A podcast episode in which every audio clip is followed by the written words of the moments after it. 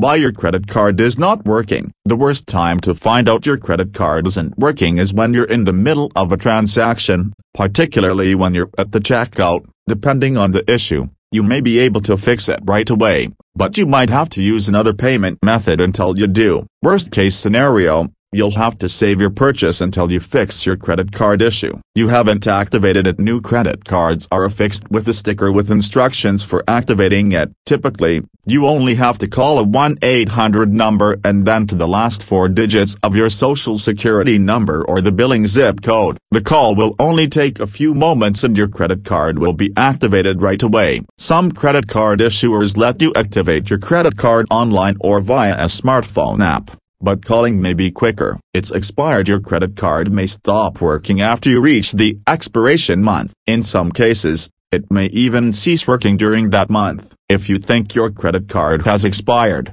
check your mail. Your credit card issuer has probably sent a replacement credit card already. Otherwise, Call your credit card issuer to find out whether a new card is on the way. A new card is on the way. Your credit card company may issue you a brand new card. For example, a new credit card may already be in the mail if your account number has been compromised after a major data breach. The card company will likely also cancel the old one. Many credit card issuers are sending more secure credit cards with EMV chips. This technology prevents cards from being cloned or duplicated. It's been demagnetized or scratched. The magnetic stripe on some credit cards may stop working after the card has been too close to a magnet or even a cell phone. When the credit card has been demagnetized, you may experience a credit card read error or, in certain cases, Nothing will happen after the swipe. Scratches or bends on the magnetic stripe may also prevent your credit card from being swiped. Your card number can still be manually entered,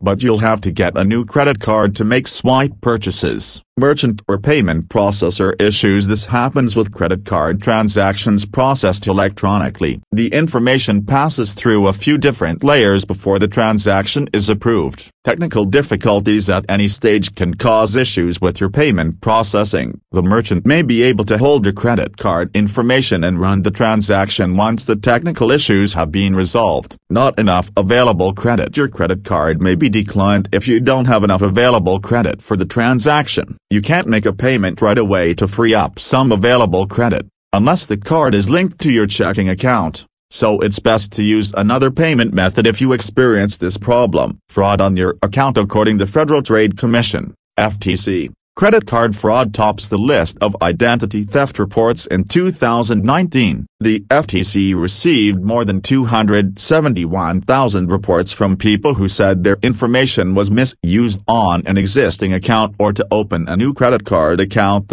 One Your credit card may stop working if your credit card issuer suspects fraud on your account. For example, someone may be using your credit card number to make purchases in another state